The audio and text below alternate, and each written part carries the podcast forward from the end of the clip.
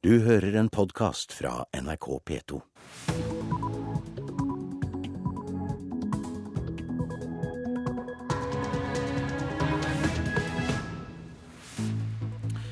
Da er vi kommet fram til fredag 10. februar, og klokka halv sju så har vi disse hovedsakene. KrF vil ha omkamp om homofiles rett til å få barn, sier stortingsrepresentant Øyvind Håbrekke. Alle som eh, eventuelt skulle ønske å samarbeide med KrF, må forholde seg til at KrF setter ungene i sentrum, og rettighetskamp for voksne kommer i andre rekke. Riksadvokat Tor Axel Busch krever en full gjennomgang av hvordan utilregnelighet blir praktisert i det norske rettssystemet. Fiskeindustrien ønsker russisk arbeidskraft til Norge, men blir hindret av regelverket. Det har strandet rett og slett på at vi da har hatt eh, store problemer med å få de inn. Og det er da etter vurderinger gjort ene og alene av UDI. Sier eh, Svein Ruud i Troika Seafood. Hellas må gjøre mer for å vise at de fortjener et nytt kriselån, mener EU-lederne. Her i studio i Nyhetsmorgen i dag, Øystein Heggen. Kristelig Folkeparti vil altså ha omkamp om homofiles rett til barn. Stortingsrepresentant Øyvind Håbrekke mener at partiet kommer med et moderne forslag som gir barn rett til både en far og en mor. Men partiet kan regne med å få motbør fra dem som har kjempet for å likestille homofile. Det er jo en utrolig stor dag. Nå har vi fått lovverket på plass i Norge. Regnbueflagg, rosa ballonger og jublende homser. Da ekteskapsloven ble vedtatt for få år siden, var stemningen høy i homoparaden i Oslo. Nå kunne homser og lesber gifte seg og få barn. Nå vil KrF stoppe festen. Lesbiske skal ikke få sæddonasjon. Verken homofile eller enslige skal få adoptere. KrFs Øyvind Håbrekke mener dette vil styrke rettighetene til barna. Og det ivaretar vi gjennom å foreslå et moderne regelverk som gjør at ungene sikrer eh, både en mor og far. Det å sette ungene i sentrum, og det er en moderne tenkning Eh, som vi legger til grunn. For Arbeiderpartiet var den nye ekteskapsloven en viktig rød-grønn seier. Nå slår AUF-leder Eskil Pedersen og stortingsrepresentant Håkon Haugli kraftig tilbake mot KrFs forslag. Det er ganske reaksjonær politikk. Eh, det er å være på feil side av historien, og det er å sende eh, fryktelig dårlige signaler til mennesker som er homofile ute i samfunnet vårt. Ja, dette er et reaksjonært forslag. Det er et gjenkjennelig reaksjonært forslag. Ehm, og det, er, det undergraver barnets beste. KrF er ikke redd for å bli politisk isolert, selv om forslaget møter motstand. At alle som eh, eventuelt skulle ønske å samarbeide med KrF, må forholde seg til at KrF setter ungene i sentrum, og rettighetskamp for voksne kommer i andre rekke. Da KrF tapte kampen mot ekteskapsloven, demonstrerte sympatisørene utenfor Stortinget. Og de har ikke gitt opp kampen. Jeg vil ikke stemme på noen partiliste hvor det står en kandidat som har stemt for denne loven. Bønn fører fram til resultater og seier. Reporter var Berit Aalborg, og KrFs forslag skal behandles i Stortinget i april. Riksadvokat Tor Aksel Busch krever en full gjennomgang av hvordan utilregnelighet blir praktisert i det norske rettssystemet. Bakgrunnen er debatten rundt tilstanden til terrorsiktede Anders Behring Breivik. Han er øverste sjef for landets påtalemyndighet og har siste ord på hvordan tiltalen i terrorsaken skal se ut. Men i kjølvannet av rettssaken vil riksadvokat Tor Aksel Busch ha en full gjennomgang av hvordan reglene for utilregnelighet praktiseres i det norske rettssystemet. Der bør vi se på hvordan eh, utilregnelighetsreglene er utformet. Vi bør eh, se på hvordan eh, vi sikrer de som får dom på overføring til tvungent psykisk helsevern, hvis man skal opprettholde det systemet. I det hele tatt så bør vi se på alle sider med de erfaringer som vi har fra denne saken. Bush vil be justisministeren sette ned et utvalg for å gjennomgå regelverket. Bakgrunnen er nettopp debatten rundt tilstanden til Anders Behring Breivik.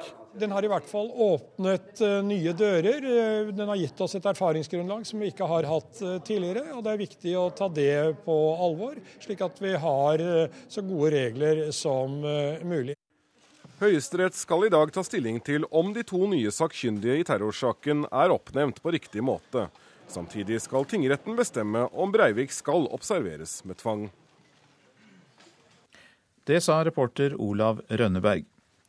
Hellas må gjøre mer for å vise at de fortjener det nye kriselånet på 130 milliarder euro.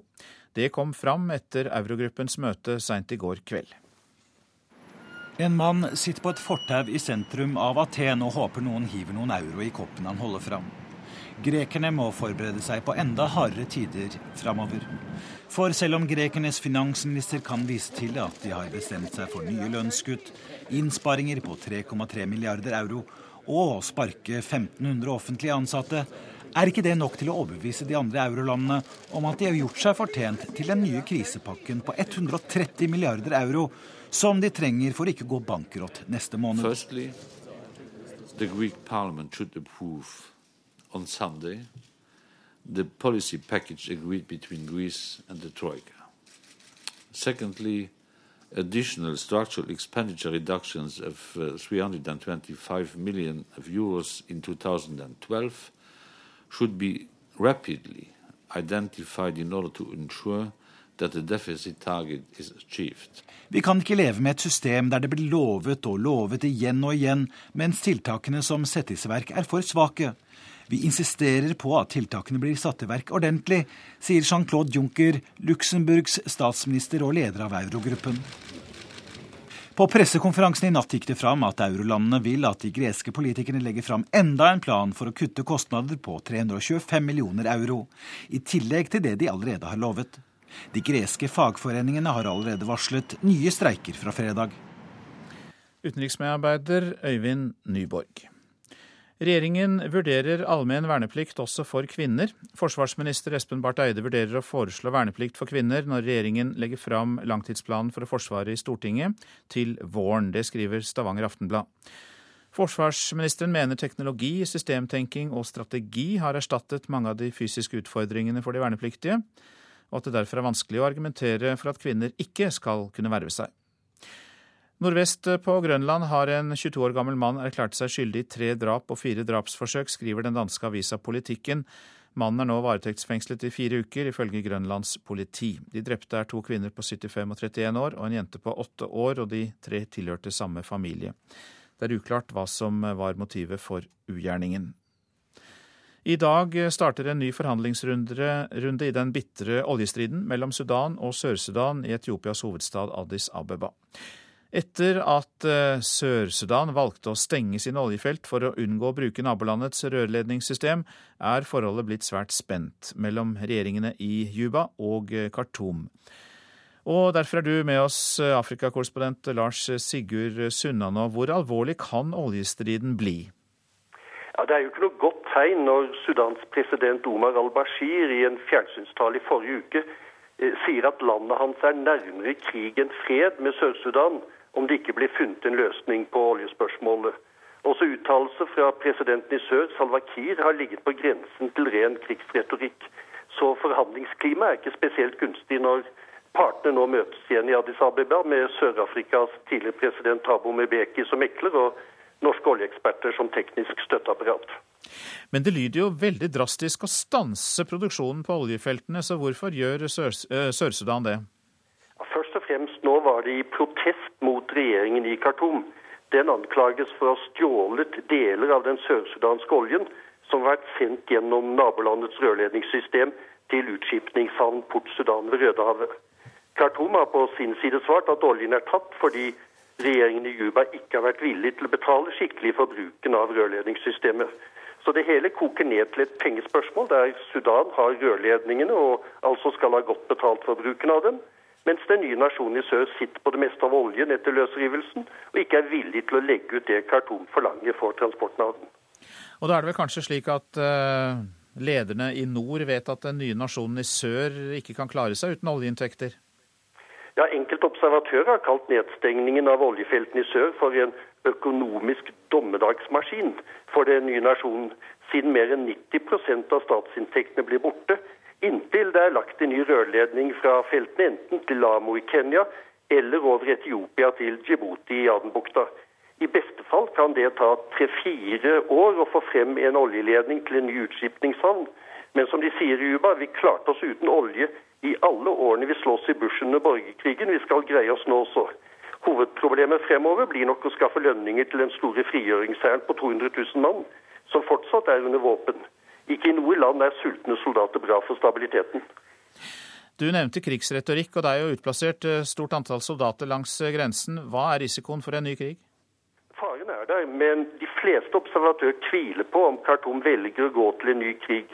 Det er mange andre måter Sudan kan skape vanskeligheter for den nye nasjonen på, bl.a. ved å gi penger og våpenstøtte til militser og opprørsbevegelser sør for grensen. Og en storstilt hjemsendelse av sørsudanere fra nord kommer. De mister sine oppholdstillatelser i løpet av våren. Og da kan det bli opptil 600 000 flyktninger som Sør-Sudan og verdenssamfunnet må ta hånd om når de blir kastet ut av regimet i Khartoum.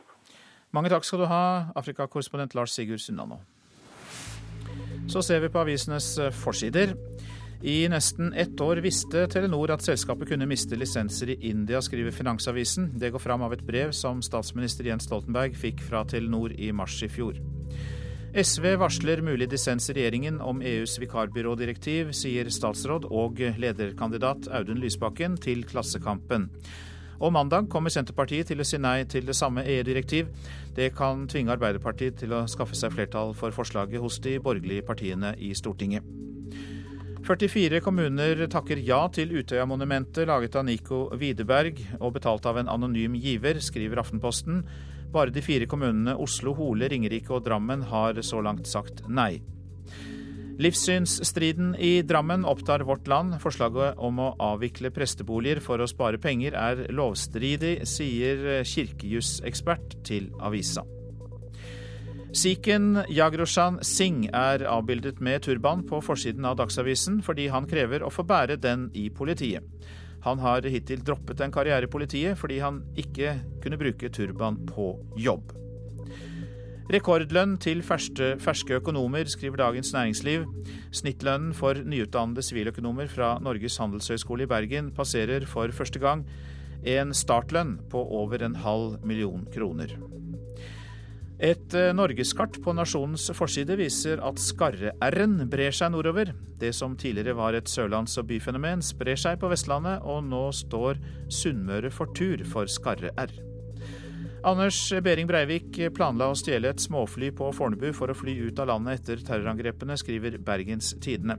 Han skal ha lært seg å styre småfly på nettstedet YouTube. Behring Breivik tenkte å fly til et land han trodde ville være vennligsinnet mot ham, som Hviterussland, Moldova eller Serbia. Hun var Behring Breiviks asiatiske elskerinne, leser vi på forsiden i Dagbladet. På begynnelsen av 2000-tallet hadde han et forhold til en kvinne født i Asia, men bosatt i Norge. Gi barna en god start i livet og spar barnetrygden. Det er forbrukertipset i VG.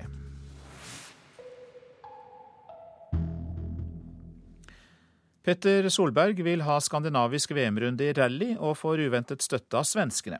For svenskene ser på de norske sjåførene som sine egne hjemmehåp nå i helgens VM-rally. Og sikkert er det at norsk-svensk samarbeid eh, tvinger seg fram.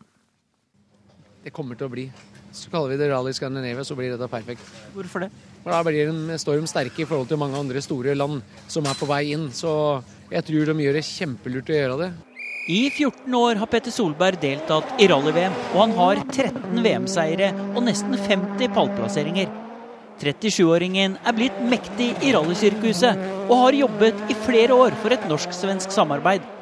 Nå vil han utvide det hele til to dager i Norge og to dager i Sverige, og får støtte fra den svenske rallysjefen.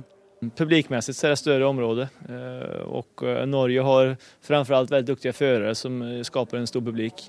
Så att, eh, jag vill ju kalla de norska förarna för våra hemmaförare också. Det, det är bra för oss. Så att, eh, jag tycker det, det, det här med norska samarbetet känns riktigt, riktigt bra. Glenn Olsson har vært i jobben som svensk rallysjef i bare et halvt år. Men han har allerede sett at samarbeidet med nordmennene er lønnsomt. Kommersielt så er det jo betydelig bedre at vi kan jobbe på to sider om grensen. Og et evenement som kan synliggjøres i flere land, det er jo kjempebra. I går kveld vant Daniel Sordo den første fartsprøven med Mats Østberg på andreplass og Petter Solberg på fjerde. Nå tror Norges store stjerne at Rally Skandinavia kan komme på kalenderen allerede neste år. Det tror jeg. Håper det. Og eh, litt over klokka åtte i dag så kjører førerne dagens første etappe, som går fra Sverige og inn i Norge. Og reporter på rallyet er Morten Stenberg. Klokka den går mot kvart på sju. Vi har disse hovedsakene i Nyhetsmorgen. KrF vil ha omkamp om homofiles rett til barn. Vil gi barn rett til å ha både en far og en mor. Riksadvokat Tor Aksel Busch krever en full gjennomgang av hvordan utilregnelighet blir praktisert i det norske rettssystemet. Og Norges Melodi Grand Prix-vinner skal kåres i morgen. Vi snakker med NRKs ekspertkommentator om finalistene. Det er fortsatt ikke tilrådelig å importere russisk arbeidskraft til Norge. Det sier administrerende direktør i lakseprodusenten Troika AS, Svein Ruud. Bedriften har siden stortingsmeldingen som sa det skulle være mulig å rekruttere russisk arbeidskraft, ikke lykkes å få det til i det norske byråkratiet. I laksebedriften Troika Seafood utenfor Kirkenes tok de politikerne på alvor. For fire år siden behandla Stortinget meldinga om arbeidsinnvandring. Der står det at arbeidsinnvandring fra Russland skal bli enklere. Direktør Svein Ruud føler seg lurt. Hadde det ikke vært denne stortingsmeldingen hvor man da sier at det skal bli enklere, som da liksom får oss til å kaste oss ut i dette her overoptimistiske, og så tro at dette skulle fungere, det er vel kanskje det som er den største skuffelsen. I Øst-Finnmark er Russland nærmeste nabo. Murmansk fylke har nærmere 900 000 innbyggere og mange som kan tenke seg en jobb i Norge. Det er ikke så enkelt, fordi Norge har forpliktelser overfor EU, sier statssekretær Torgeir Larsen i Utenriksdepartementet. Som sagt så er det et forskjell eh, mellom Russland, som ikke er et EU-land eller et EØS-medlem, i forhold til de forpliktelsene vi har som stat. Og Det kan vi ikke over natta endre på. Det var ikke dette Svein Ruud og de andre bedriftseierne i Finnmark forsto ut av stortingsmeldinga for fire år siden. Etter masse bortkastet arbeid med norsk byråkrati advarer han nå andre bedrifter mot å importere russisk arbeidskraft. Nei, Basert på våre erfaringer. altså Du kan jo ikke eh, satse på at du skal ha en stor del av arbeidsstyrken din hentet fra Russland når du ikke vet om du får de inn, hvor lenge du får ha de, eller at de av andre grunner da blir overprøvet, slik at du da står uten arbeidskraft. Reporter her, det var eh, Morten Ruud. Ekstremt eh, kattehold det er et problem i Grenland. Kommunene vet ikke hva de skal gjøre. Nå etterlyser de et tydelig lovverk som gir eh, dem mulighet til å gripe inn når katteeiere ikke vil eller kan løse sitt problem med massevis av katter. Det er Hilde. Hun ble funnet sammen med tre-fire kattunger eh, på Klyve. Under en byggeplass der sånn. Liv Maria Ramstad og Redd Dyra Telemark får inn mange løskatter som ingen lenger vil ha. Hun får daglig bekymringsmeldinger om katter, og ser hvor viktig det er at noen griper inn. Det er veldig vondt å vite at ikke vi har mulighet til å gjøre noe, og må bare henvise videre og håpe at det blir gjort noe, tatt affære i den saken.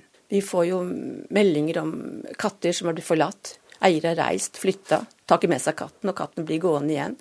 Villkatter og ekstremt kattehold er et problem mange steder. Virksomhetsleder Terje Nygård i Porsgrunn har ansvaret for miljøretta helsevern i Grenland. Han ser slike tilfeller flere ganger i året. Eksempelvis er det noen som har katter.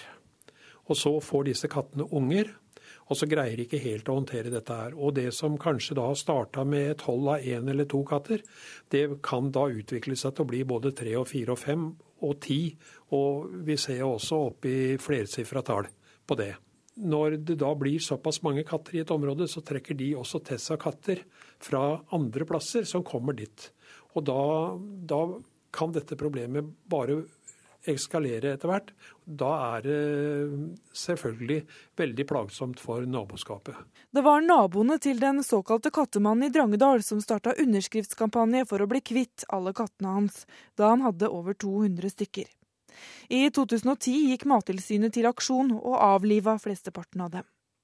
Ved flere tilfeller har hjemløse katter blitt et problem i Brevik, der Mattilsynet og kommunen måtte avlive en større mengde katter. Men mange kommuner er usikre på hvordan de skal gripe inn. Vi har det generelle helselovgivninga, som setter oss i stand til å fatte vedtak mot f.eks. en person som driver med mating av katt, eller et hold av katt som ikke er tilfredsstillende. Men problemet vårt er at vi har ikke noen sanksjonsmuligheter hvis da den som da er årsaken til dette, er, ikke følger de pålegg vi gir. Og da, da er vi på en måte maktesløse. Dere har ikke muligheter nok til å kunne gjøre noe med dette? Nei, vi syns ikke det. Vi syns at eh, det ikke er eh, klart og greit nok hva vi kan gjøre i hvert enkelt tilfelle. Miljøretta helsevern i Grenland har nå inngått et samarbeid med Mattilsynet for å løse flere slike saker, og har også bedt Kommunenes Sentralforbund om råd. Liv Maria Ramstad i Redd Dyra tror ikke lovverket er problemet, og mener Mattilsynet og kommunene burde gjøre mer. Men jeg tror at mye ikke var gjort på et tidlig tidspunkt med den loven vi har i dag. Og det var Solfrid Leirgull Øvrebø som hadde laget denne saken. Rundt 40 eh, kommuner eh, har, som vi hørte i presserunden, sagt eh, ja til å motta Nico Widerbergs minnesmerke etter 22.07. 52 kommuner som mistet innbyggere i terrorhandlingene, har fått dette tilbudet om minnesmerke. Og I dag går fristen ut for å bestemme om kommunene ønsker skulpturen.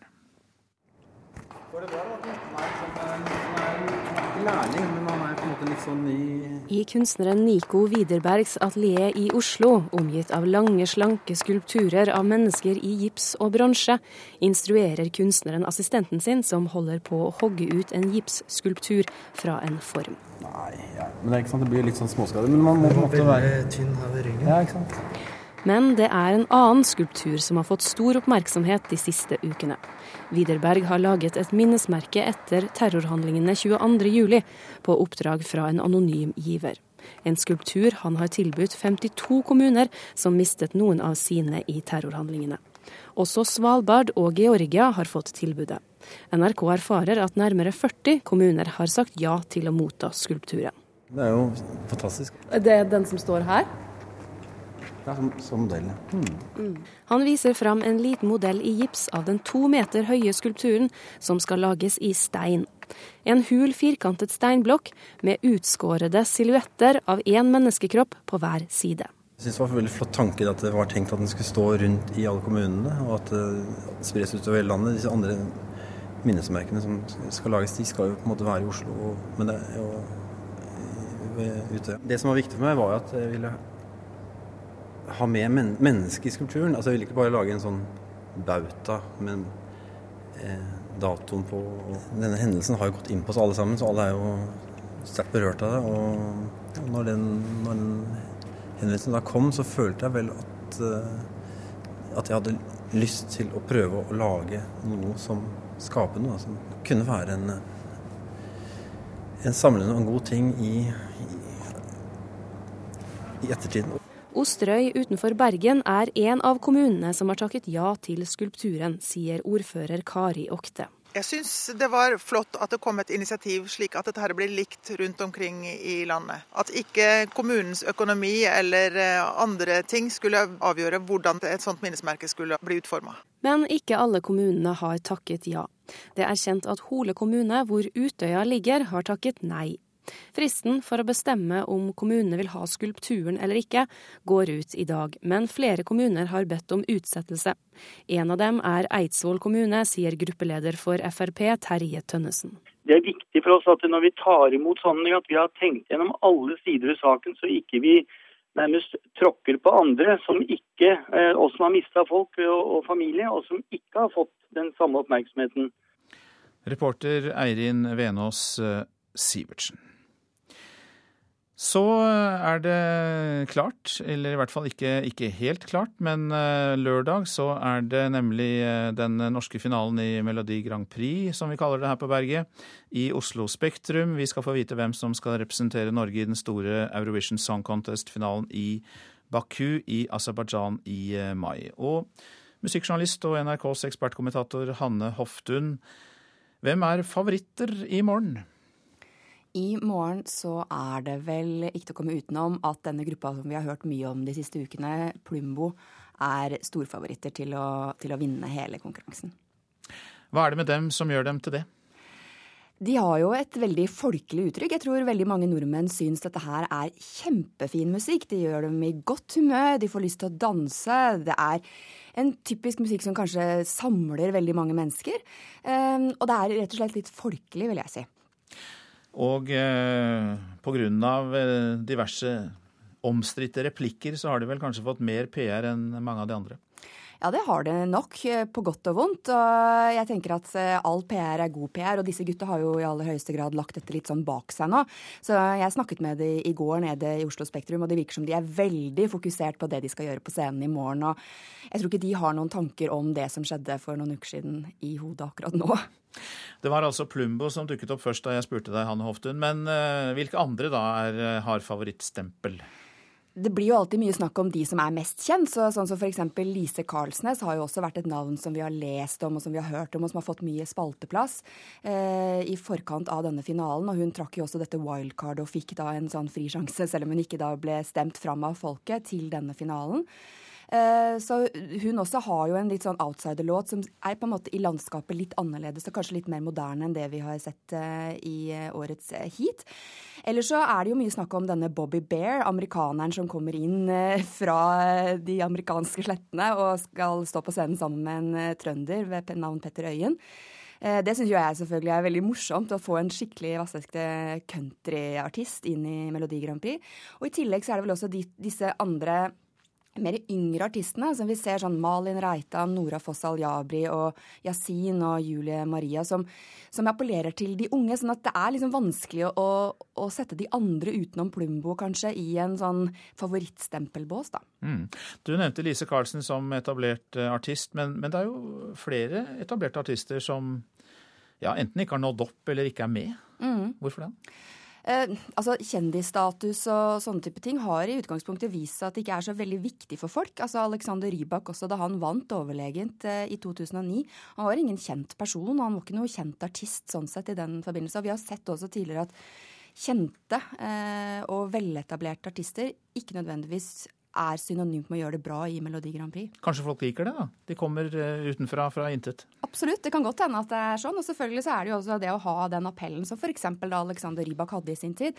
Han var ganske ukjent, men hadde en melodi som alle likte. Og han hadde jo et veldig sånn vinnende vesen. Han kommer ut av ruta, og folk liker han umiddelbart. Du kan jo dette på fingrene. Hva skal du gjøre på lørdag sjøl? jeg skal selvfølgelig følge finalen. Det er en stor fest, eh, for meg i hvert fall, som eh, Jeg liker både musikk og jeg liker store eventer. Syns det er morsomt. Eh, så selvfølgelig skal jeg følge denne store finalen. Får vi høre deg? Nei, ikke, ikke, etterpå, ikke i år. Etterpå, kanskje? Ja, jeg skal jo også til, ja. til Baku som NRKs ekspert. Ja, da får vi høre mer fra deg. Hjertelig takk for at du kom til oss i studio denne omgang, Hanne Hoftun, som er musikkjournalist og NRKs ekspertkommentator eh, rundt uh, Melodi Grand Prix. Er Anders Behring Breivik sjuk? I møte med den største massemorderen i landets historie blir ikke fagfolkene enige om han er psykotisk eller ikke. I Radioselskapets Fakta på fredag handler det om dette begrepet, psykose. Send inn ditt spørsmål til radioselskapet krøllalfa.nrk.no, så svarer ekspertisen etter Dagsnytt klokka 11. Så et værvarsel. Fjellet i Sør-Norge får liten kuling utsatte steder i høyfjellet nord for Jotunheimen. Til dels pent vær for øvrig. Østland og Telemark kort og godt lettskyet pent vær. Agderfylkene litt skyet i vestlige områder, ellers til dels pent. Rogaland og Hordaland perioder med stiv kuling i nord. Skyet eller delvis skyet, stort sett oppholdsvær. Sogn og Fjordane på kysten sørlig stiv eller sterk kuling. Perioder med liten storm nær Stad. Skyet eller delvis skyet, stort sett opphold. Møre og Romsdal og Trøndelag sørvest opp i sterk kuling på kysten. I Nord-Trøndelag litt snø av og til, og det kan bli litt regn på kysten av Nord-Trøndelag. Ellers i trøndelagsfylkene oppholdsvær og til dels pent vær i Møre og Romsdal.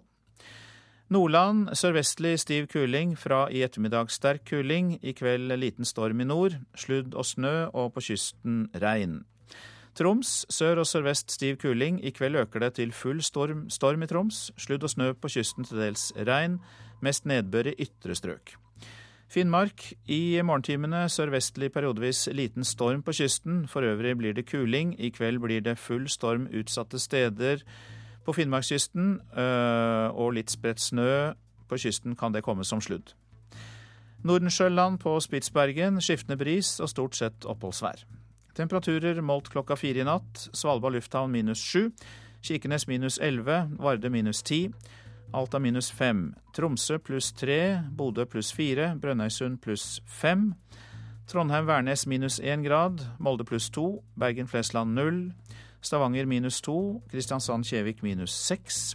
Gardermoen minus ni, det samme hadde Lillehammer minus ni, og sannelig også Røros minus ni grader. Oslo-Blindern hadde minus seks grader klokka fire.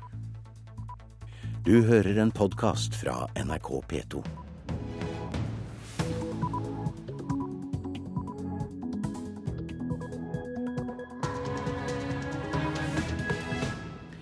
Da er klokka sju, og du lytter til eh, P2s eh, Nyhetsmorgen. Her er Øystein Heggen i studio med en nyhetsoppdatering.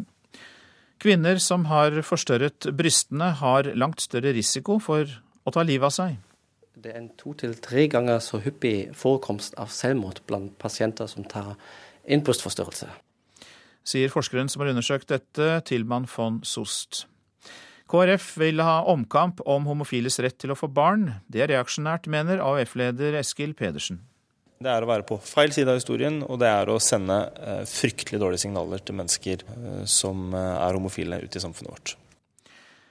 Hellas må gjøre mer for å vise at de fortjener det nye kriselånet på 130 milliarder euro. Det er konklusjonen etter møtet i eurolandene seint i går kveld. Riksadvokaten krever en full gjennomgang av hvordan utilregnelighet blir praktisert i det norske rettssystemet. Bakgrunnen for dette er saken mot Anders Behring Breivik. Den har gitt oss et erfaringsgrunnlag som vi ikke har hatt eh, tidligere. og Det er viktig å ta det på alvor, slik at vi har eh, så gode regler som eh, mulig. Og det må svi litt å klage i byggesaker. Det krever advokat Erling Høite, som vil innføre gebyrer på klager. Klagere tar jo det utgangspunktet at de gjør hva som helst for å stoppe et prosjekt, og da blir det færre boliger.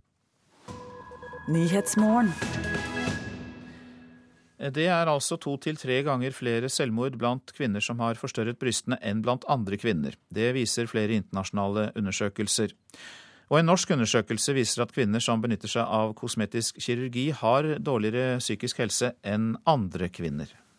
Ja, flere studier har vist at det er en to til tre ganger så hyppig forekomst av selvmord blant pasienter som tar en.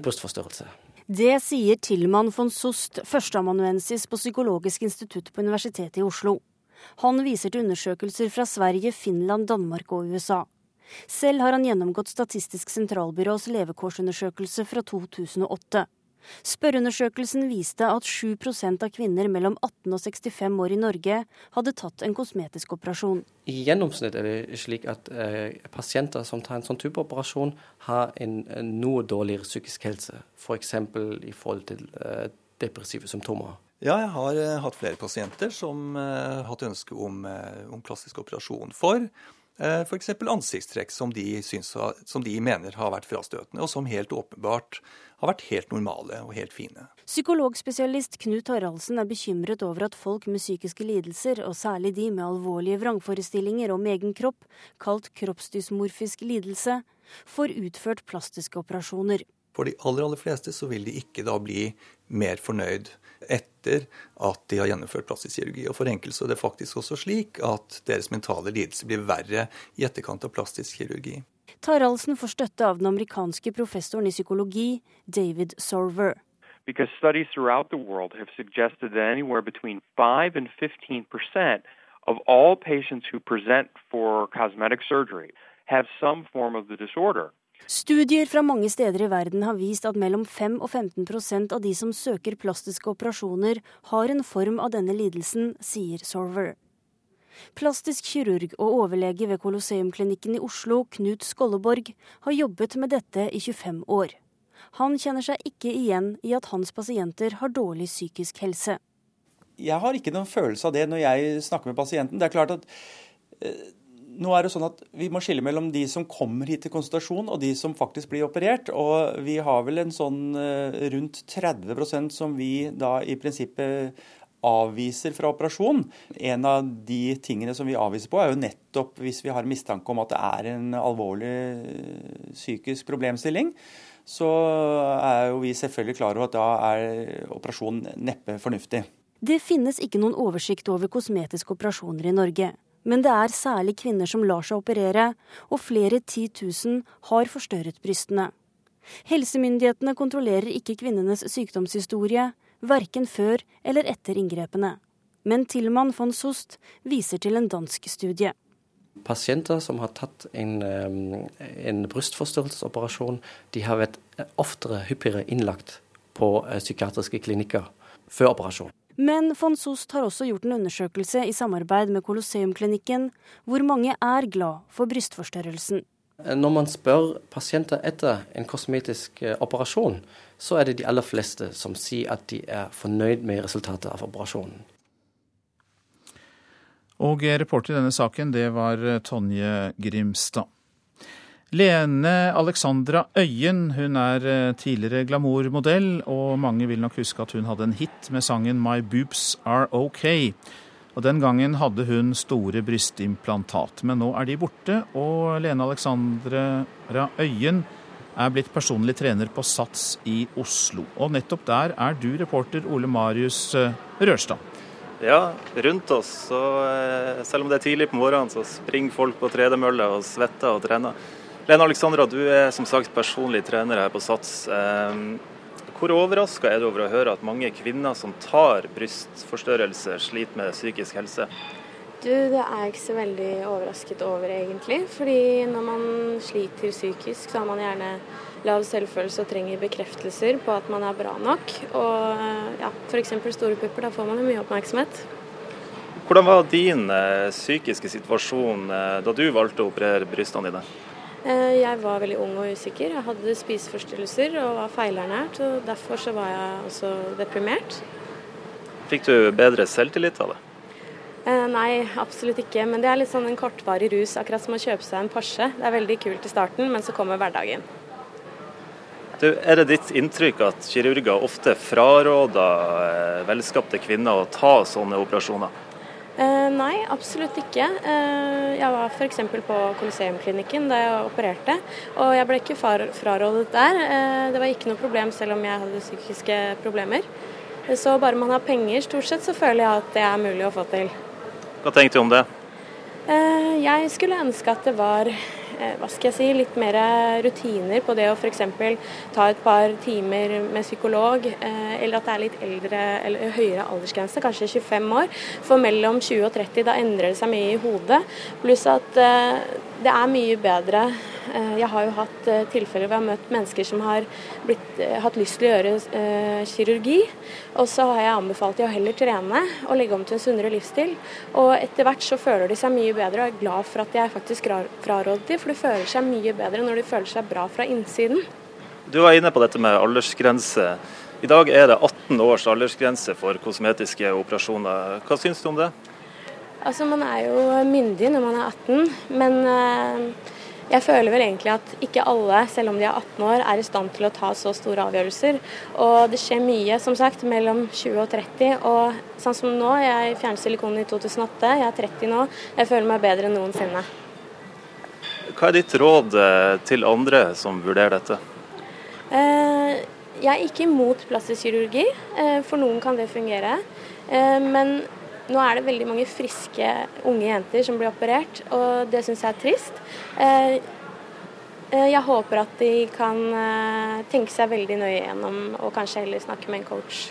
Du, sånn helt avslutningsvis, I dag har helsemyndighetene ingen oversikt over hvor mange operasjoner som gjennomføres, eller hvordan den psykiske helsa til pasientene er før og etter operasjonen. Hva tenkte du om det?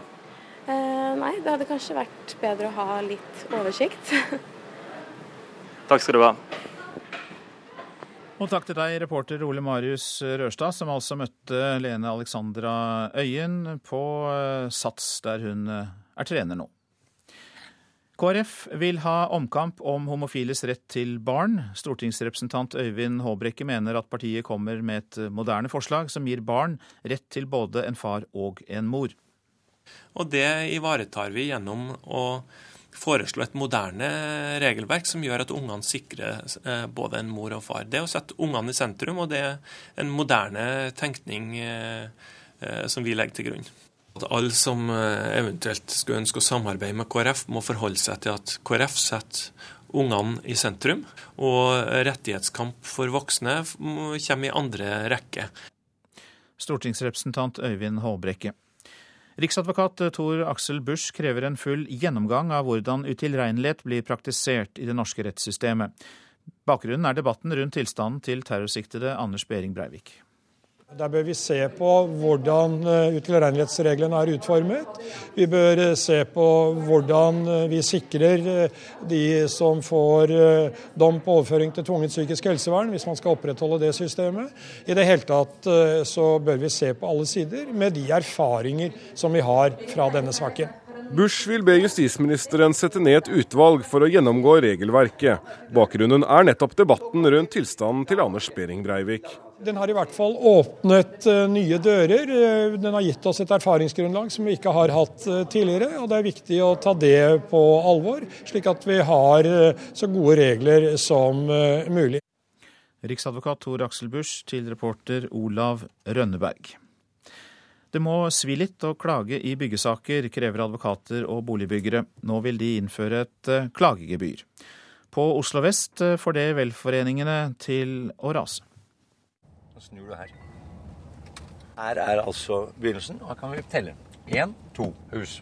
Så har du det der. Tre. Dette er bare langs veien her. Erik Schultz har begynt å telle. Sammen med NRK tar formannen i Ris Vel en taxitur i nabolaget. 17, 18 I velformannens egen gate på Oslos beste vestkant erstatter nye blokker og rekkehus det gamle villastrøket i et forrykende tempo. Se her, alt dette er nytt. Se på det. Du tror ikke det er mulig? Det er jo, det er jo en getto. Vi tar med oss alle disse postkassene Her ser du det er 15 postkasser. De er kommet her i løpet av de senere årene. Skikkelig getto. Og Schultz er ikke alene om å forarges over nybygg.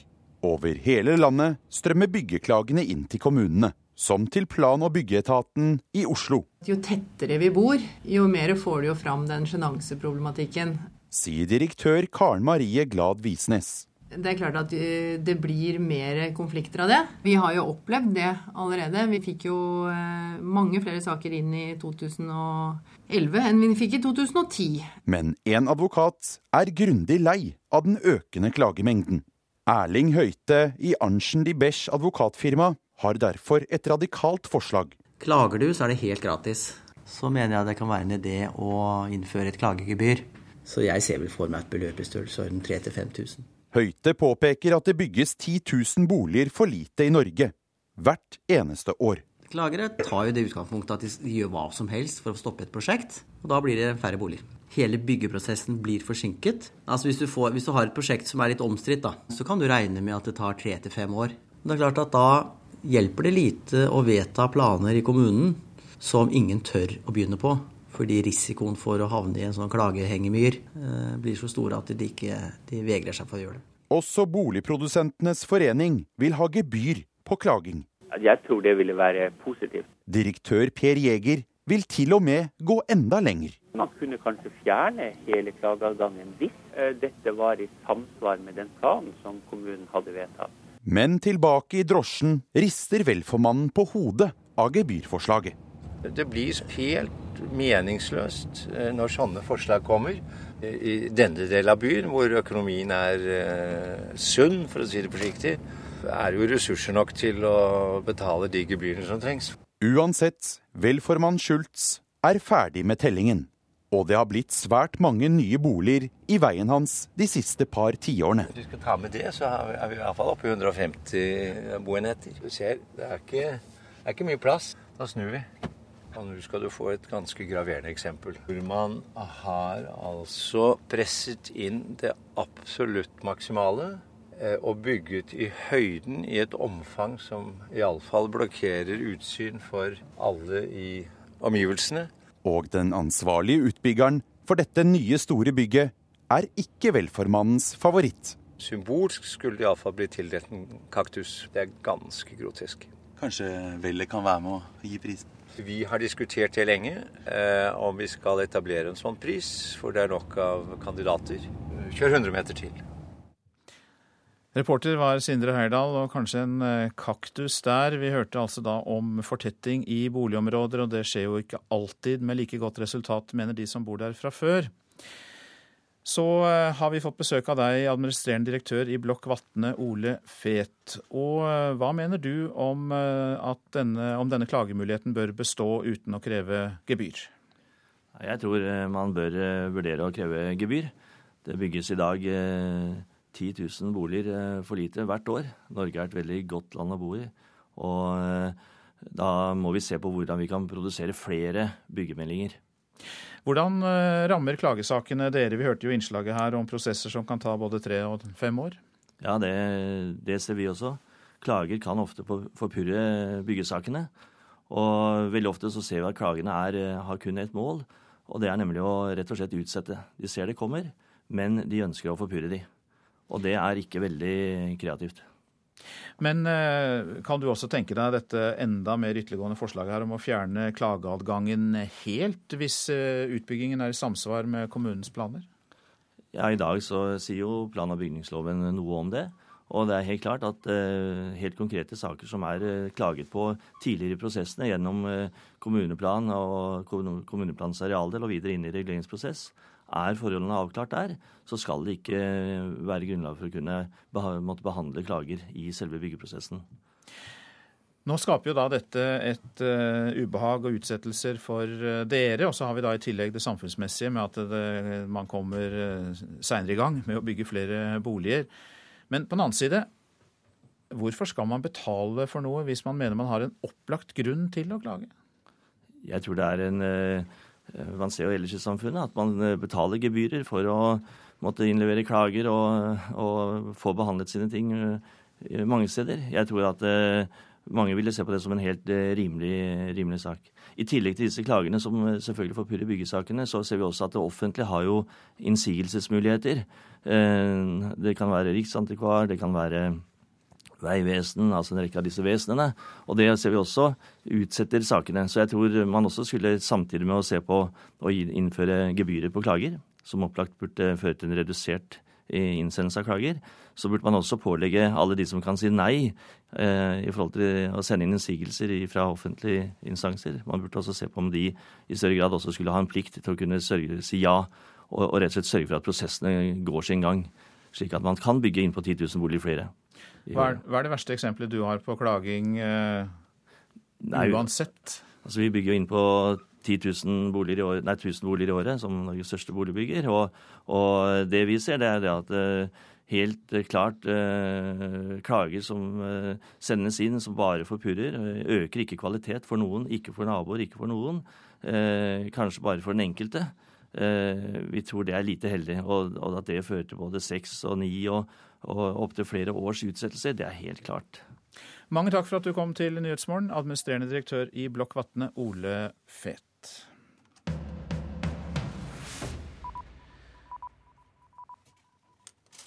Utsettelsen av neste kriselån til konkurstruede Hellas skaper dårlig stemning i aksjemarkedet på ukens siste handledag. Investorene liker ikke utsiktene til den utsettelsen fører med seg, og de fleste børsene i Asia falt derfor markant nå i morges. Du lytter til Nyhetsmorgen, og klokka nærmer seg 7.18. Dette er hovedsaker. Det er to til tre ganger flere selvmord blant kvinner som har forstørret brystene enn blant andre kvinner, viser undersøkelser. KrF gir seg ikke i arbeidet for å hindre homofiles rett til barn. Nå vil partiet ha omkamp i denne saken. Og det er ikke lenger ungdommene som dominerer det frivillige arbeidet her i landet. Nå er det besteforeldrene som har tatt over. Snart skal vi høre mer om det. Hellas må gjøre mer for å vise at de fortjener det nye kriselånet på 130 milliarder euro. Det kom fram etter eurogruppens møte seint i går kveld. Vi kan ikke leve med et system der det blir lovet og lovet igjen og igjen, mens tiltakene som settes i verk er for svake. Vi insisterer på at tiltakene blir satt i verk ordentlig, sier Jean-Claude Juncker, Luxemburgs statsminister og leder av eurogruppen. På pressekonferansen i natt gikk det fram at eurolandene vil at de greske politikerne legger fram enda en plan for å kutte kostnader på 325 millioner euro, i tillegg til det de allerede har lovet. De greske fagforeningene har allerede varslet nye streiker fra fredag. Utenriksmedarbeider Øyvind Nyborg. Og til deg, europakorrespondent Hege Mo Eriksen. Hva er hovedårsaken til at Hellas ikke fikk sitt kriselån i går kveld, som de vel hadde håpet på? Ja, EUs finansministre er rett og slett ikke fornøyd med gresk innsats Eh, den greske finansministeren fikk beskjed om å reise hjem til Aten og gjøre ytterligere innsparinger. Og dette har jo vært en nervepirrende prosess. Aten må altså gjennomføre tøffe kutt og innsparinger for å få en ny gigantisk hjelpepakke fra EU. Og disse innsparingene er så tøffe at regjeringen i Aten har forhandlet i dagevis om hvor kuttene skal tas. De ble enige i siste time i går og kunne altså presentere en flunkende ny avtale om eh, sparekutt eh, til EUs eh, e finansministre her i Brussel. Den ble altså sendt hjem til Aten med beskjed om å kutte over 300 millioner euro mer.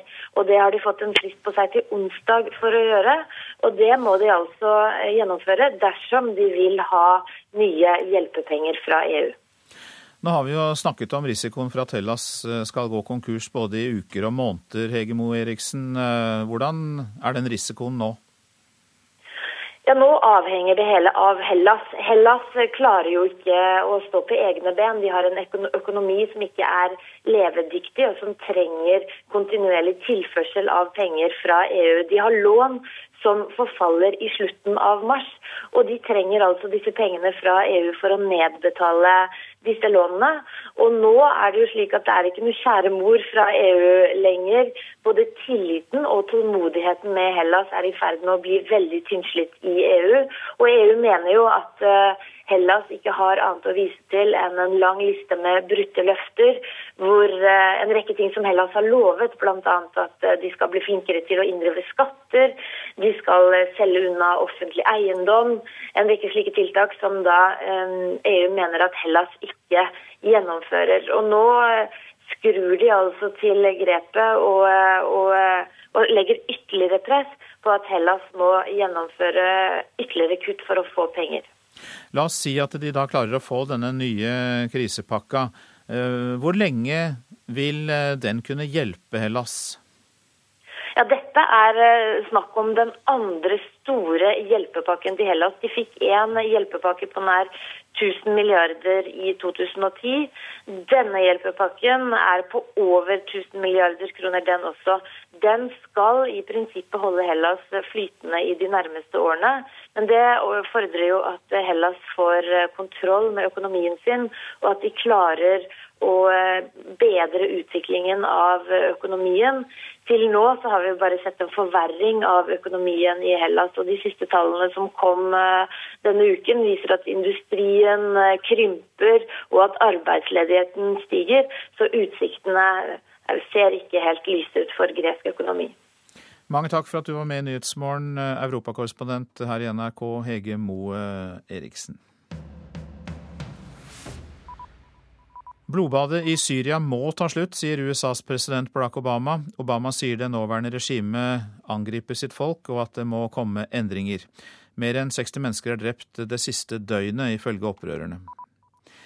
Israels utenriksminister Avigdor Liebermann mener at en ny palestinsk regjering som inkluderer Hamas, blir et tilbakeskritt for fredsprosessen. Det kom fram i et møte med 15 eh, FN-ambassadører i New York i går. USA vil bygge det første atomkraftverket i landet på 34 år. Planene ble godkjent i går. Det er første gang det er gitt tillatelse til bygging av nye atomreaktorer i USA siden den alvorlige ulykken ved Three Mile Island i 1979. Irak har henrettet minst 65 fanger så langt i år, 14 av dem bare nå i, hittil i februar. Det melder menneskerettighetsorganisasjonen Human Rights Watch. Over 1200 eh, mennesker skal ha fått dødsstraff i Irak siden 2004. Men det er uklart hvor mange som er blitt eh, henrettet. Så til eh, avisenes forsider. I nesten ett år visste Telenor at selskapet kunne miste lisenser i India, skriver Finansavisen. Det går fram av et brev som statsminister Jens Stoltenberg fikk fra Telenor i mars i fjor. SV varsler mulig dissens i regjeringen om EUs vikarbyrådirektiv, sier statsråd og lederkandidat Audun Lysbakken til Klassekampen. Og mandag kommer Senterpartiet til å si nei til EU-direktivet. Det kan tvinge Arbeiderpartiet til å lete etter flertall for forslaget hos de borgerlige partiene i Stortinget. 44 kommuner takker ja til Utøya-monumentet laget av Nico Widerberg og betalt av en anonym giver, skriver Aftenposten. Bare de fire kommunene Oslo, Hole, Ringerike og Drammen sier nei. Livssynsstriden i Drammen opptar Vårt Land. Forslaget om å avvikle presteboliger for å spare penger er lovstridige, sier kirkejusekspert til avisa. Sikhen Yagroshan Singh er avbildet med turban på forsiden av Dagsavisen fordi han krever å få bære den i politiet. Han har hittil droppet en karriere i politiet fordi han ikke kunne bruke turban på jobb. Rekordlønn til ferske økonomer, skriver Dagens Næringsliv. Snittlønnen for nyutdannede siviløkonomer fra Norges handelshøyskole i Bergen passerer for første gang en startlønn på over en halv million kroner. Et eh, norgeskart på nasjonens forside viser at skarre-r-en brer seg nordover. Det som tidligere var et eh, sørlands- og byfenomen, sprer seg på Vestlandet, og nå står Sunnmøre for tur for skarre-r. Anders Behring Breivik planla å stjele et småfly på Fornebu for å fly ut av landet etter terrorangrepene, skriver Bergens Tidende. Han skal ha lært seg å styre småfly på nettstedet YouTube. Hun var Behring Breiviks asiatiske elskerinne, leser vi i Dagbladet. På begynnelsen av 2000-tallet hadde han et forhold til en kvinne, født i Asia, men bosatt i Norge. Å gi barna en god start i livet og spar barnetrygden, det er forbrukertipset i VG.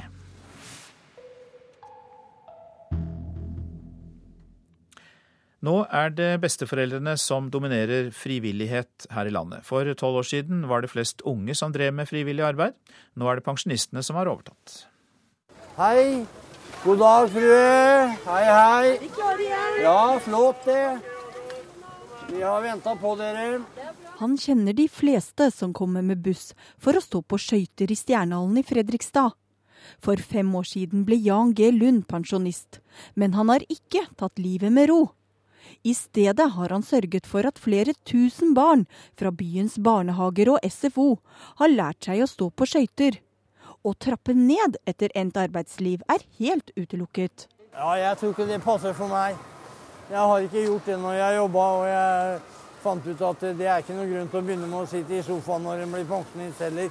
Nå er det flere som hockeylaget Stjernens ildsjel i Fredrikstad, som bruker pensjonisttilværelsen til frivillig arbeid. Samfunnsforsker ved Uni Rokkansenteret Dag Vollebekk har studert frivilligheten her i landet, og de siste tolv årene har det snudd. Nå er det flere eldre enn yngre som jobber frivillig. Eh, hovedårsaken er jo at eh, de eldre har bedre helse uh, enn tidligere. De har oftere høyere utdanning, og de har da helt andre forutsetninger for å ta med seg en allerede aktiv organisasjonstilværelse inn i pensjonistalderen, og til, kanskje til og med øke den. Frivilligheten har gått ned her i landet, men antall timer som legges ned av pensjonister har skutt i været. Samtidig er det færre yngre som bidrar. Det er jo klart at uh, Frivillig arbeid konkurrerer jo med andre aktivitetsformer. Og, blant, uh, blant, ungdom så er det mange andre uh, attraktive alternativer. Økt livskvalitet og sosialt nettverk er to andre viktige grunner til at de eldre jobber frivillig. Og Lund er ikke i tvil om hvorfor. I og med at mange nå kan gå av når de er 62, og, og finner ut at en skal fylle fritida med noe, og da blir det jo ofte det en har vært med på sjøl tidligere. Vi tar den, Ru. Denne Den må passe. Fint. Jan G. Lund skal ikke gi seg før han må. Når helsa skranter, så det håper jeg blir lenge til. La dem få litt å leke med. Skøyteentusiast Jan G. Lund i Stjernehallen i Fredrikstad, og reporter var Anette Torjussen. Du lytter til Nyhetsmorgen på NRK P2. Etter Dagsnytt skal vi høre om opposisjonen i Syria som har problemer med å stå samlet. I Politisk eh, kvarter eh, så får vi vite noe vi i og for seg kanskje har visst fra før, at trær tar opp i seg CO2, men å bruke skog som klimatiltak, det lager politisk bråk. Og vi skal bl.a. også høre om KrF, som vil ha omkamp om ekteskapsloven. Prosent for eh, Nyhetsmorgen i dag er Kari Bekken Larsen. Her i studio Øystein Heggen. Har du tips eller kommentarer, så går det an å sende en e-post til adressen nyhetsmorgen krøllalfa nrk.no, altså nyhetsmorgen krøllalfa nrk.no. Og vi minner også om at du kan laste ned hele Nyhetsmorgen som lydfil eller podkast. Mer informasjon om det finner du på websiden nrk.no.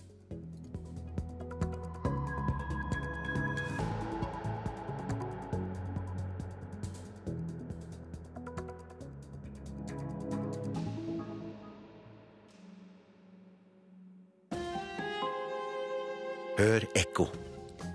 Nei, vi lever ikke i Kardemomme by. Etter 22. juli står det klarere enn noen gang. Likevel, vi elsker Kasper, Jesper og Jonathan som sluttet å røve, og dyrene i Hakkebakkeskogen som sluttet å spise hverandre. Trenger vi Torbjørn Egner i 2012, eller er det noe helt annet barn av vår tid trenger? Ekko 9 11 i NRK P2. Det er flere selvmord blant kvinner med brystimplantat enn hos andre. Det bør koste tusenlapper å klage på naboens husutbygging, mener byggebransjen. Og KrF tar omkamp om homofile sin rett til å få barn. God morgen, her er NRK Dagsnytt. Klokka er 7.30. Kvinner som nytter seg av kosmetisk kirurgi, har i snitt dårligere psykisk helse enn andre kvinner. Det viser en norsk undersøking, medan det i internasjonale undersøkelser er funnet to til tre ganger flere selvmord blant kvinner som har forstørra brysta, enn blant andre kvinner. Ordet brystforstørrelse på Google gir utallige klinikker som tilbyr inngrepet. For bruken av kosmetisk kirurgi har eksplodert. I levekårsundersøkelsen for 2008 svarte 7% av norske kvinner at de var operert. I samme undersøkelse gjorde førsteamanuensis på Psykologisk institutt på Universitetet i Oslo, Tilman von Sost, bekymringsfulle funn. I gjennomsnitt er det slik at eh, pasienter som tar en sånn type operasjon, har en, en noe dårligere psykisk helse. Brystforstørrelser er mest populært, men i Sverige, Finland, Danmark og USA ser man urovekkende tendenser. Det er en to til tre ganger så hyppig forekomst av selvmord blant pasienter som tar en brystforstørrelse. Utenlandsk forskning viser at mellom 5 og 15% av de som søker plastiske operasjoner, lider av alvorlige vrangforestillinger om egen kropp. Noen blir også sykere etter en operasjon. Psykologspesialist Knut Taraldsen kjenner problemet. Ja, jeg har uh, hatt flere pasienter som har hatt ønske om, uh, om, plastisk operasjon for f.eks. ansiktstrekk som de, synes, som de mener har vært frastøtende, og som helt åpenbart har vært helt normale og helt fine. Colosseumklinikken i Oslo har de siste to årene utført brystforstørrelse på over 1000 kvinner. Plastisk kirurg og overlege Knut Skolleborg sier de forsøker å unngå pasienter med dårlig psykisk helse. En av de tingene som vi avviser på, er jo nettopp hvis vi har mistanke om at det er en alvorlig eh, psykisk problemstilling. Ja, reporter her var Tonje Grimstad. Og tidligere glamourmodell Lene Alexandra Øyen har fjerna sine brystimplantat. Hun mener det bør være høyere aldersgrense for å gjøre slike inngrep. Når man sliter psykisk, så har man gjerne lav selvfølelse og trenger bekreftelser på at man er bra nok. Og ja, f.eks. store pupper, da får man jo mye oppmerksomhet. Hvordan var din eh, psykiske situasjon eh, da du valgte å operere brystene dine? Eh, jeg var veldig ung og usikker. Jeg hadde spiseforstyrrelser og var feilernært. og Derfor så var jeg også deprimert. Fikk du bedre selvtillit av det? Eh, nei, absolutt ikke. Men det er litt sånn en kortvarig rus, akkurat som å kjøpe seg en Porsche. Det er veldig kult i starten, men så kommer hverdagen. Ja, Reporter her var Ole Marius Rørstad. Bustadbyggere foreslår et saftig gebyr for de som klager i byggesaker. Bare slik kan en få fart på bostadutbygginga, hevder advokater og bostadbransjen. Men på Oslo vest får det velforeningene til å rase. Nå snur du her. Én, to, husvakt. Erik Schultz har begynt å telle. Sammen med NRK tar formannen i Ris Vel en taxitur i nabolaget.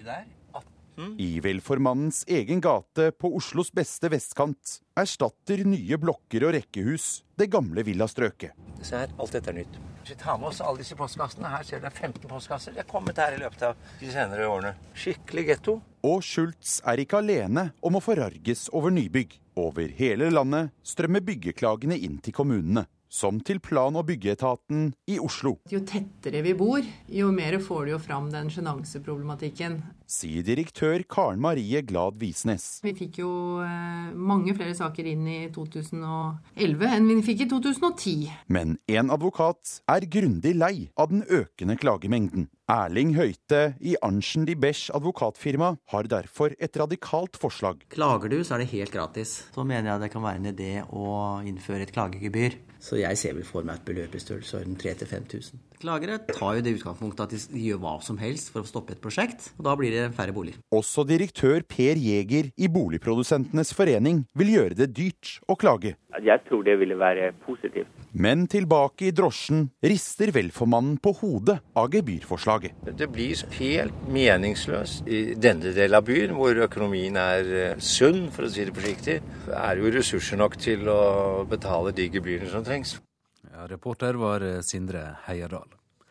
KrF vil ha omkamp om homofile sin rett til å få barn. Stortingsrepresentant Øyvind Håbrekke sier partiet kommer med et moderne forslag som gir barn rett til både en far og en mor. Men partiet kan regne med motbør fra de som har kjempa for å likestille homofile med andre. Det er jo en utrolig stor dag. Nå har vi fått lovverket på plass i Norge. Regnbueflagg, rosa ballonger og jublende homser. Da ekteskapsloven ble vedtatt for få år siden, var stemningen høy i homoparaden i Oslo. Nå kunne homser og lesber gifte seg og få barn. Nå vil KrF stoppe festen. Lesbiske skal ikke få sæddonasjon. Verken homofile eller enslige skal få adoptere. KrFs Øyvind Håbrekke mener dette vil styrke rettighetene til barna. Og det ivaretar vi gjennom å foreslå et moderne regelverk som gjør at ungene sikrer eh, både en mor og far. Det å sette ungene i sentrum, og det er en moderne tenkning eh, eh, som vi legger til grunn. AUF-leder Eskil Pedersen og stortingsrepresentant Håkon Haugli reagerer på forslaget. Det er ganske reaksjonær politikk. Det er å være på feil side av historien, og det er å sende fryktelig dårlige signaler til mennesker som er homofile ute i samfunnet vårt. Ja, dette er et reaksjonært forslag. Det er et gjenkjennelig reaksjonært forslag. Og det, er, eh, det undergraver barnets beste. Reporter Berit Aalborg. Hellas må gjøre mer for å vise at de fortjener det nye kriselånet på 130 milliarder euro. Det kom fram etter Eurogruppa sitt møte seint i går kveld. En mann sitter på et fortau i sentrum av Aten og håper noen hiver noen euro i koppen han holder fram. Grekerne må forberede seg på enda hardere tider framover. For selv om grekernes finansminister kan vise til at de har bestemt seg for nye lønnskutt, innsparinger på 3,3 milliarder euro og å sparke 15 000 offentlige ansatte, er ikke det nok til å overbevise de andre eurolandene om at de har gjort seg fortjent til den nye krisepakken på 130 milliarder euro, som er det de trenger for ikke å gå bankerott neste måned. Firstly, the Greek parliament should approve on Sunday Vi kan ikke leve med et system der det blir lovet og lovet igjen og igjen, mens tiltakene som settes i verk er for svake. Vi insisterer på at tiltakene blir satt i verk ordentlig, sier Jean-Claude Juncker, Luxemburgs statsminister og leder av Eurogruppen. På pressekonferansen i natt gikk det fram at eurolandene vil at de greske politikerne legger fram enda en plan for å kutte kostnader på 325 millioner euro, i tillegg til det de allerede har lovet. De greske fagforeningene har allerede varslet nye streiker fra fredag. Det sa utenriksmedarbeider Øyvind Nyborg. Riksadvokat Tor Aksel Busch krever full gjennomgang av hvordan utilregnelighet blir praktisert i det norske rettssystemet. Bakgrunnen er debatten rundt tilstanden til terrorsikta Anders Behring Breivik. Der bør vi se på hvordan eh, utilregnelighetsreglene er utformet. Vi bør eh, se på hvordan eh, vi sikrer de som får dom på overføring til tvungent psykisk helsevern, hvis man skal opprettholde det systemet. I det hele tatt så bør vi se på alle sider med de erfaringer som vi har fra denne saken. Bush vil be justisministeren sette ned et utvalg for å gjennomgå regelverket. Bakgrunnen er nettopp debatten rundt tilstanden til Anders Behring Breivik. Den har i hvert fall åpnet eh, nye dører. Eh, den har gitt oss et erfaringsgrunnlag som vi ikke har hatt eh, tidligere. og Det er viktig å ta det på alvor, slik at vi har så gode regler som mulig. Reporter Olav Rønneberg. Petter Solberg vil ha skandinavisk VM-runde i rally, og får uventa støtte fra svenskene. Svenskene ser allerede på de norske førerne som sine heimehåp i rally-VM i helga, og er sikre på at et norsk-svensk samarbeid tvinger seg fram. Det kommer til å bli. Så kaller vi det Rally Scandinavia, så blir dette perfekt. Hvorfor det? For Da blir de, står de sterke i forhold til mange andre store land som er på vei inn. Så jeg tror de gjør det kjempelurt å gjøre det. I 14 år har Petter Solberg deltatt i rally-VM, og han har 13 VM-seiere og nesten 50 pallplasseringer. 37-åringen er blitt mektig i rallysirkuset og har jobbet i flere år for et norsk-svensk samarbeid. Nå vil han utvide det hele til to dager i Norge og to dager i Sverige, og får støtte fra den svenske rallysjefen. Publikmessig er det større område, og eh, Norge har framfor alt veldig dyktige førere som eh, skaper en stor publik. Glenn Olsson har vært i jobben som svensk rallysjef i bare et halvt år. Men han har allerede sett at samarbeidet med nordmennene er lønnsomt. Så at, eh, jeg vil jo kalle de norske førerne for våre hjemmeførere også. Det, det er bra for oss. Reporter her var Morten Stenberg. Ansvarlig for denne sendinga Ulf Tannes Fjell, teknisk ansvarlig Hanne Lunås og i studio Odd Christian Dale. P2s Nyhetsmorgen går videre med konflikten i Syria, som tilspisser seg dag for dag. Offisielt er 7000 mennesker drept siden opprøret startet. Opposisjonsgruppenes største problem i kampen mot regimet er at de ikke klarer å forene seg. Noen opprørere forbereder seg til kampene de vet snart vil komme. Disse mennene kaller seg for Syrias frigjøringshær, selv om de ikke har militær trening. Men de er væpnet med granater og kalasjnikov og vilje til å kjempe mot Bashar al-Assads regime. Lederen deres, Abdul Rama, påstår at han kontrollerer store deler av byen nord i Syria. This one, this one, this one. His government cannot come. These men are farmers and workers who have taken up arms to defend their property, their families, uh, and their lives. Disse mennene er bønder og arbeidere som har tatt til våpen for å beskytte eiendommen, familien og livet sitt mot regimet, forteller Michael Wise i tenketanken Henry Jackson Society. De er ikke avhoppere og støtter ikke Den frie syriske armé, FSA. FSA er en annen militær paraplyorganisasjon som har blitt utpekt som den som leder opprøret mot Bashar al-Assad. Wise sier det er langt fra sannheten. In actuality, the FSA would be better described as a sort of ongoing media project uh, designed to produce and disseminate information about the uprising and its repression Um, Den frie syriske armé er heller et medieskapt prosjekt, laget for å skape blest rundt overgrepene i landet og gi inntrykk av at det går klare kommandolinjer fra generalen i FSA, som lever i eksil i Tyrkia, til militære avhoppere på bakken i Syria, sier han. Men du kan ikke styre dette fra et telt i Tyrkia. Du må ha kontakt med gata i Syria. Right now, the street is running its own show. As I say, I mean, you know, there are insurgents who unilaterally dictate their policy toward taking the fight to the regime. Og akkurat nå driver gatene sitt eget spill. Opprørere, uavhengig av hverandre, dikterer sin egen måte å styrte regimet på. Opposisjonen er rett og slett et mangehodet troll bestående av en rekke religiøse og etniske geriljagrupper. You can't pick up the phone and call one general and know exactly what's happening in terms of the insurgency in Syria. Det er snart ett år siden opprøret i Syria startet. Siden har flere tusen mennesker blitt torturert og drept i møte med Bashars sikkerhetsstyrker og soldater. Den arabiske våren har kostet kanskje så mange som 10 000 syriere livet. Mens den militære motstanden er sprikende på alle områder unntatt målet, som er å avsette Bashar al-Assad, så er også den politiske motstanden splittet. Flere opposisjonsgrupper har gått sammen i det syriske nasjonalrådet, men allerede nå har kurderne brutt ut. So what we're seeing now is the increasing atomization of the Syrian opposition at a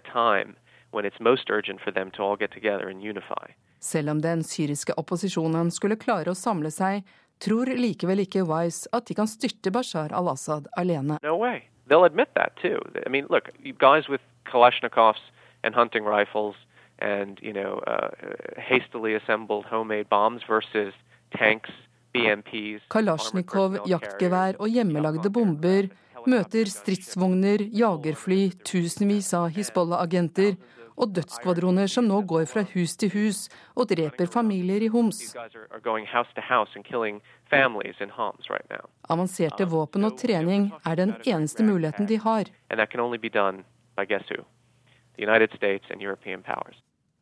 Det blir mer om Syria i verden på lørdag her i P2 i morgen klokka 11.03. Og reporter var Åse Marit Befring.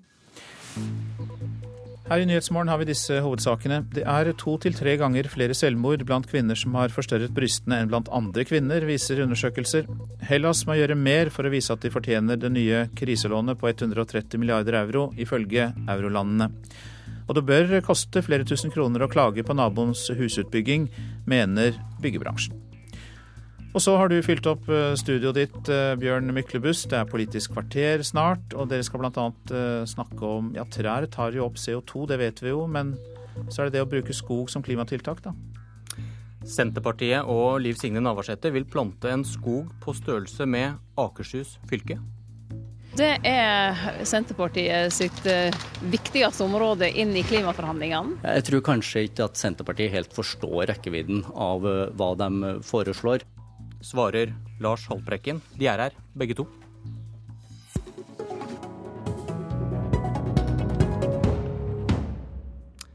Leder i Senterpartiet, Liv Signe Navarsete. Er det viktigere å plante trær enn å kjøre mindre bil? Begge deler er viktig. Eh, og det har vært offisiell norsk politikk i alle år at alle kjelder til opptak og alle kjelder til binding av CO2 skal regnes med. Men skog, når, er, ja, men, skog er, viktigst, sier du? Når, når Haltbrekken i går på Dagsrevyen sier at dette er en slags Senterpartigreie, så må jeg få lov å arrestere det. For det er faktisk offisiell norsk politikk, har vært det i alle år. Og etter Senterpartiets mening så bør det òg være det i framtiden. For det er riktig og viktig at alle kjelder blir regna med, for det er det som inspirerer folk til å sette i gang tiltak. At alt som virker, skal regnes med men, i klimaregnskapet. Men, men skog, skog, er viktigst, hørte vi deg si i går og igjen nå. Så det å plante trær og satse på skog, det er viktigere enn å kjøre mindre bil, da? Nei. For oss i, kli i klimaforhandlingene eh, er det for Senterpartiet viktigst å få gjennomslag for at skog skal med. Og Det betyr ikke at ikke vi skal ha klimafond, at ikke vi skal kjøre mindre bil, at ikke vi skal ha satsing på fornybar energi, at vi skal ha mer satsing på forskning og utvikling, at vi skal ha satsing på samferdsel, på bygg, på alle andre sektorer. Det står vi fullt og helt bak, og kommer til å kjempe for å få mest mulig ambisiøse mål på det. Men det er nok sånn at eh, skal vi få en skog, eh, så må Senterpartiet gjøre en skikkelig jobb på det, og det gjør vi. Og det gjør vi i trygg forvissing om at vi er helt på linje med det som har vært og er offisiell norsk klimapolitikk at vi skal rekne med skog i internasjonale forhandlinger. Og skogen eh, andre steder i verden er viktig, men det er òg norsk skog. Den er faktisk like viktig. Og på, i naturfagtimen så lærte jeg at den binder CO2 når den vokser. det har vi også slått fast her nå. Og så binder han også CO2 når vi bruker tre i bygg ja. Eh, og i bioenergi, f.eks. Leder av Naturvernforbundet, Lars Haltbrekken. Hva er det Navarsete ikke helt forstår, som du sier? Først så må jeg bare se meg enig i at skog er kjempeviktig i klimasammenheng. Eh, og ny forskning viser også at vern av gammel skog for å bevare den CO2-en som skogen har tatt opp, eh, er veldig viktig. Men eh, jeg tror nok ikke helt at man her skjønner rekkevidden Eh, av de forslagene man eh, tar opp. Og jeg tror nok at eh, et land som Norge, hvis man får tatt med all CO2-binding av skog i sitt klimaregnskap, kommer til å oppføre seg pent og si at dette skal komme i tillegg til utslippskutt i oljeindustrien, i samferdselssektoren osv. Norge er ikke problemet i dette. Men vi ser at store skogland, som bl.a. Canada og Russland, kommer til å bruke dette som en unnskyldning for ikke å kutte kutte sine utslipp fra bruk av kull, olje og gass. Og Derfor så er dette veldig omstridt internasjonalt. Og utviklingslandene har i mange år slåss mot dette forslaget, bl.a. fra Norge, eh, som går på å ta inn all CO2-binding. Nettopp fordi at de frykter at da får vi ikke de reduksjonene som trengs i fossil energibruk. For at store land som Canada og Russland bruker dette som en sovepute til å nå svake mål. Og da blir vel du en nyttig idiot for de store forurenserne? Det som Haltbrekken tar så inderlig feil i nå, det er at han føresetter at vi skal ha skog inn som en del av det eksisterende klimamålet. Hvis eksisterende skog skal med, så skal òg ambisjonene økes tilsvarende. Så det er tilveksten den kan få ved å plante, ved å skjøtse bedre, ved å ta ut skog og bruke den selvfølgelig da videre til både bioenergi, til, til byggsektoren osv. Men det er argumentet som kan misbrukes, sier han. Ja, jeg hører han si det. Eh, og det er jo i så fall eh, mistillit eh, til òg det internasjonale systemet. i den grad. Men la oss nå holde oss til Norge da, i denne sammenheng, så får vi ta de internasjonale forhandlingene i neste runde. I Norge har vi alle muligheter til å rekne inn tilveksten som vi har i norsk skog, som vil binde anslagsvis 12 uh, millioner tonn CO2. Det er like mye som hele bilparken slipper ut. Og når vi i Senterpartiet i tillegg er villige til å gjøre skikkelig grep for å få ned utslippet fra bilparken, så mener jeg at det er en vinn-vinn-situasjon. Og det er ingen som hindrer oss i Norge til å kjøre en offensiv skogpolitikk inn i vår klimamelding. Sliter hun fremdeles med å forstå? Litt, for det er ikke Norge som er problemet her. og Norge kommer til å oppføre seg helt fint og si at dette skal komme i tillegg til våre fossile kutt. Men hvis vi ser på hva Canada, hva Russland og andre store skogland i dag faktisk sier i de internasjonale forhandlingene, så bruker de dette aktivt til å ikke kutte sine fossile utslipp. Men er det ikke, som, men, men, nei, nei, vent litt, vent litt. Vi hadde en liten naturfagtime i stad. og Trær binder CO2, det er du enig i. Ja. Eh, så da er det viktig at man bevarer skogen som er. Det er helt riktig. Og så bør man da kanskje skille mellom ny og gammel skog for å få ned kuttene? Skog er kjempeviktig i klimasammenheng. Ja, hva er da galt med å plante mye skog? Skogen tar opp masse CO2.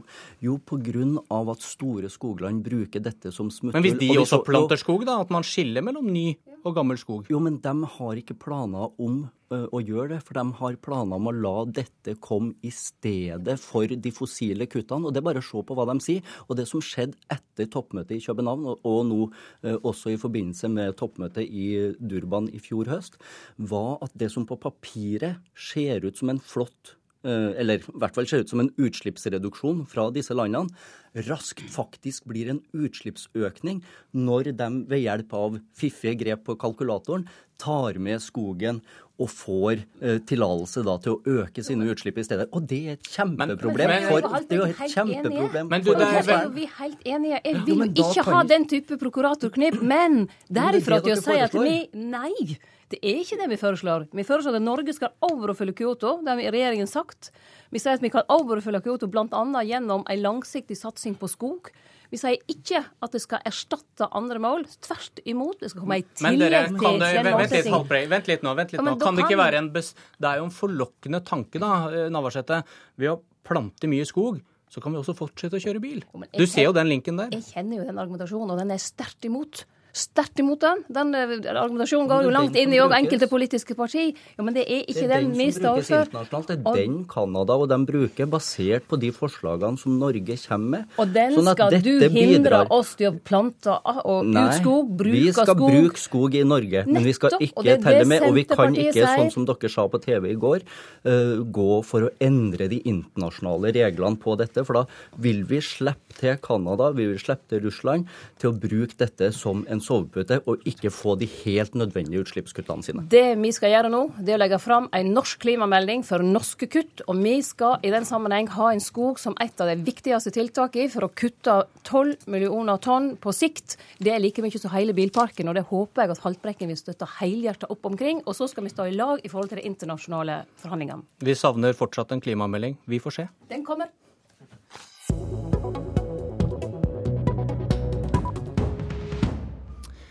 Det kan virke som om Arbeiderpartiet vil til sengs med Kristelig Folkeparti. Det er bare det at det ikke kommer til å høres sånn ut her i studio i dag. For Øyvind Håbrekke fra KrF, dere vil ha en omkamp som fører til at homofile likevel ikke skal få adoptere barn, og det blir slutt på sæddonasjon. Og hvor viktig er dette når dere skal bestemme dere for hvem dere vil samarbeide med? Nei, det, Barne- og familiepolitikken er jo viktig for KrF. Det tror jeg ingen er overraska over. Og da ønsker vi en lovgivning som eh, setter ungene i sentrum, og, og der vi bygger opp et samfunn ut fra hva som er best for ungene. For vi tror det som er best for ungene, det er bra for samfunnet. Dere har sagt at den gamle partnerskapsloven er god nok. Men den var dere også imot. Om noen år så vil dere kanskje forsvare ekteskapsloven med nebb og klør, eller? Nei, altså vi har... Dere var også mot avkriminalisering av homofili i sin tid? Ja, men... Det, altså... tida går, går, og ting endrer seg. Ja, er ikke det bra? At tida går. Men dere vil tilbake? Ja, men altså nå må vi huske på at alle, dere, alle de spørsmålene du nevner nå, har jo vært omstridt, og de fleste partiene har vært mot dem på et eller annet tidspunkt. Om man mot dem på 60-tallet eller 70-tallet spiller relativt liten rolle sånn historisk. Men Det vil dere kanskje si om ti år, da, om ekteskapsloven og retten til å adoptere for homofile, f.eks.? Ja, vi får møtes om ti år, så får vi diskutere det. da, Men poenget nå er jo at vi har prøvd å se Vi har lagt fram et forslag det der vi har prøvd å se framover. Og si hva slags krav stiller et moderne samfunn til barnelovgivninga vår. Og da ser vi jo, eh, når vi tar en titt på barneloven, så ser vi jo at eh, Sånn som det er i dag, så stilles, eh, stiller loven større krav til kvinner enn til menn når det gjelder ansvaret for unger, og det blir veldig feil i et moderne samfunn. For så er det sånn da at som far så blir du far gjennom via ditt forhold til mor, og ikke, ikke direkte via ditt forhold til barnet, den såkalte paterest-regelen. Det er ikke i tråd med moderne tenkning. Så praktiserer vi fortsatt ei ordning med sæddonasjon som er etablert på 30-tallet, da det nærmest var akseptert at fedre stakk av fra ansvaret sitt. Eh, Det er ikke i tråd med moderne tenkning om menn, ansvar og farskap. Og så mener vi at da barneloven bør ha et bygg på et likeverdig foreldreskap, der ungene ikke bare må ha en mor, men må ha en far, og et likeverdig foreldreskap der ungene har rett på en mor og far. Vi starter med ungene og bygger opp loven derifra. Så enkelt og greit er det vel egentlig. Håkon Hauglie fra Arbeiderpartiet. Hva svarer du på denne invitasjonen til samarbeid? Ja, For å være ærlig så trodde jeg i 2012 at vi hadde kommet litt videre fra en diskusjon om enslige mødre og par av samme kjønn var like gode foreldre. Ekteskapsloven var en veldig viktig reform. Det er en likeverdsreform. Det handler om menneskerettigheter, og ikke minst handler det om rettigheter til barn av homofile. Og det å skape et motsetningsforhold mellom barn og deres foreldre, slik KrF gjør, det eh, gagner ingen. Altså For Arbeiderpartiet er det helt åpenbart at barnets beste må legges til grunn, og så det er vi jo enige om. Eh, fra Det høres ikke sånn ut. Det høres ut som han sier at det du kjemper for, det er voksnes rettigheter, mens han tar barnas. Ja, og det er, det er feil. Altså, Det, er ingen, det finnes mange barn av homofile i Norge, og det er dem KrF vil eh, til livs. Disse barna ville aldri vært født hvis dette forslaget ble, hadde blitt vedtatt. Eh, Samtidig ville man utelukket mange barn fra å bli adoptert av de som faktisk etter en individuell vurdering vurderes som best egnet. Forslaget innebærer at enslige og eh, par av samme kjønn utelukkes fra adopsjonsvurdering. Hvordan det er til barnets beste, det er jeg ikke i stand til å se. Eh, er dette snakk om hvem som er best foreldre? Om det er homofile eller heterofile, Håbrekke? Jeg, vet, ikke, jeg tror om, om man er homofil eller heterofil eller hvem du er, det spiller ingen rolle for hvor god omsorgsperson og god forelder du er. Vi kan alle sammen Men, eh, være så like det har ikke noe å si for barnets beste, da? Nei. Men hvorfor skal man da ikke kunne vurderes som adoptivforeldre, Håbrekke? Hvis eh, man er like god foreldre, hvorfor utelukkes man ikke på basis av sine individuelle forutsetninger, men kun fordi man er homofil eller enslig? Fordi at når vi bygger opp det lovverket, når vi, når vi lager en barnelov, når vi lager en adopsjonslov, når vi lager en lov om bioteknologi-assistert befruktning, så må vi rett og slett bare starte med det enkle spørsmålet hvordan ivaretar vi ungene sitt beste? Hvordan ivaretar vi ungene sine rettigheter? Og Da er det naturlig å si sjølsagt er det mange enslige foreldre i Norge, mange homofile par osv., som gjør en fantastisk jobb med sine unger. Eh, Men, men det at unger lever i ulike familiekonstellasjoner, skal ikke være noe argument for at vi som at staten skal frata ungene muligheten til en mor og far når staten da etablerer en familie ved en adopsjon. Da må vi bare starte med hvordan kan vi gi da de ungene sine rettigheter, retten til en mor og far, og retten til den muligheten eh, å ha en familie som var så lik den de hadde i utgangspunktet. Det er på en måte det enkle utgangspunktet, og vi starter med barnets beste. Og jeg må jo heller jeg vil jo spørre Håkon Haugli om han syns det er riktig at vi har en barnelov i 2012 som sier at du må ha en mor, men du trenger ikke å ha en far. Er det i tråd med et moderne syn på menn og et moderne syn på farskap og ansvar? Altså Det er helt utrolig å høre KrF bruke likestillingsargumenter mot vår tids, eh, eller i hvert fall denne periodens viktigste likestillingsreform. Ja, da må du svare på det spørsmålet, Ja, Jeg skal svare på det, men det forslaget, dette forslaget, det er ingen tvil om hvem man ønsker å ramme. Her ønsker man å ramme homofile familier, men man feier faktisk med seg en del andre grupper òg. Heterofile barnløse vil man nekte sæddonasjon, og enslige foreldre skal ikke kunne adoptere. Så dette handler snakker jo bare om voksne. Kan ikke du snakke, ta litt Ja, utgangspunkt det er i jo- ungenes beste ja. nå, så starter vi diskusjonen der? Er ikke det et bedre utgangspunkt? Jo, det er et bedre utgangspunkt, og vi er uenige om det. og jeg, som sagt, jeg forstår ikke hvordan det kan være til barnets beste å A. hindre at de kommer til verden, og B. nekte i en adopsjonsvurdering å, å finne den familien som faktisk er best egnet til det individuelle barnet. Dette er en grunnleggende motsetning mellom Kristelig Folkeparti og Arbeiderpartiet som handler om menneskesyn. Hvem er barnets forelder? Den cellen som var det biologiske utgangspunktet, eller, den, eller de som uh, trøster, legger om Men kvelden hvordan- og tar vare på barn og gir omsorg? Hvordan konkluderer du da, Hauglie, med utgangspunktet kan Arbeiderpartiet samarbeide tett med KrF? Vi kan samarbeide med KrF om mange saker, men eh, på familieområdet er det store motsetninger. og eh, Jeg skulle ønske KrF kunne ta inn over seg det som faktisk sies retorisk her, at man er opptatt av barnets beste, eh, og ikke fremme kamp mot voksnes rettigheter. Håkon Hauglie, Øyvind Aabrekke, takk for at dere kom til Politisk kvarter, som er slutt. Jeg heter Bjørn Myklebust. Du har hørt en podkast fra NRK P2.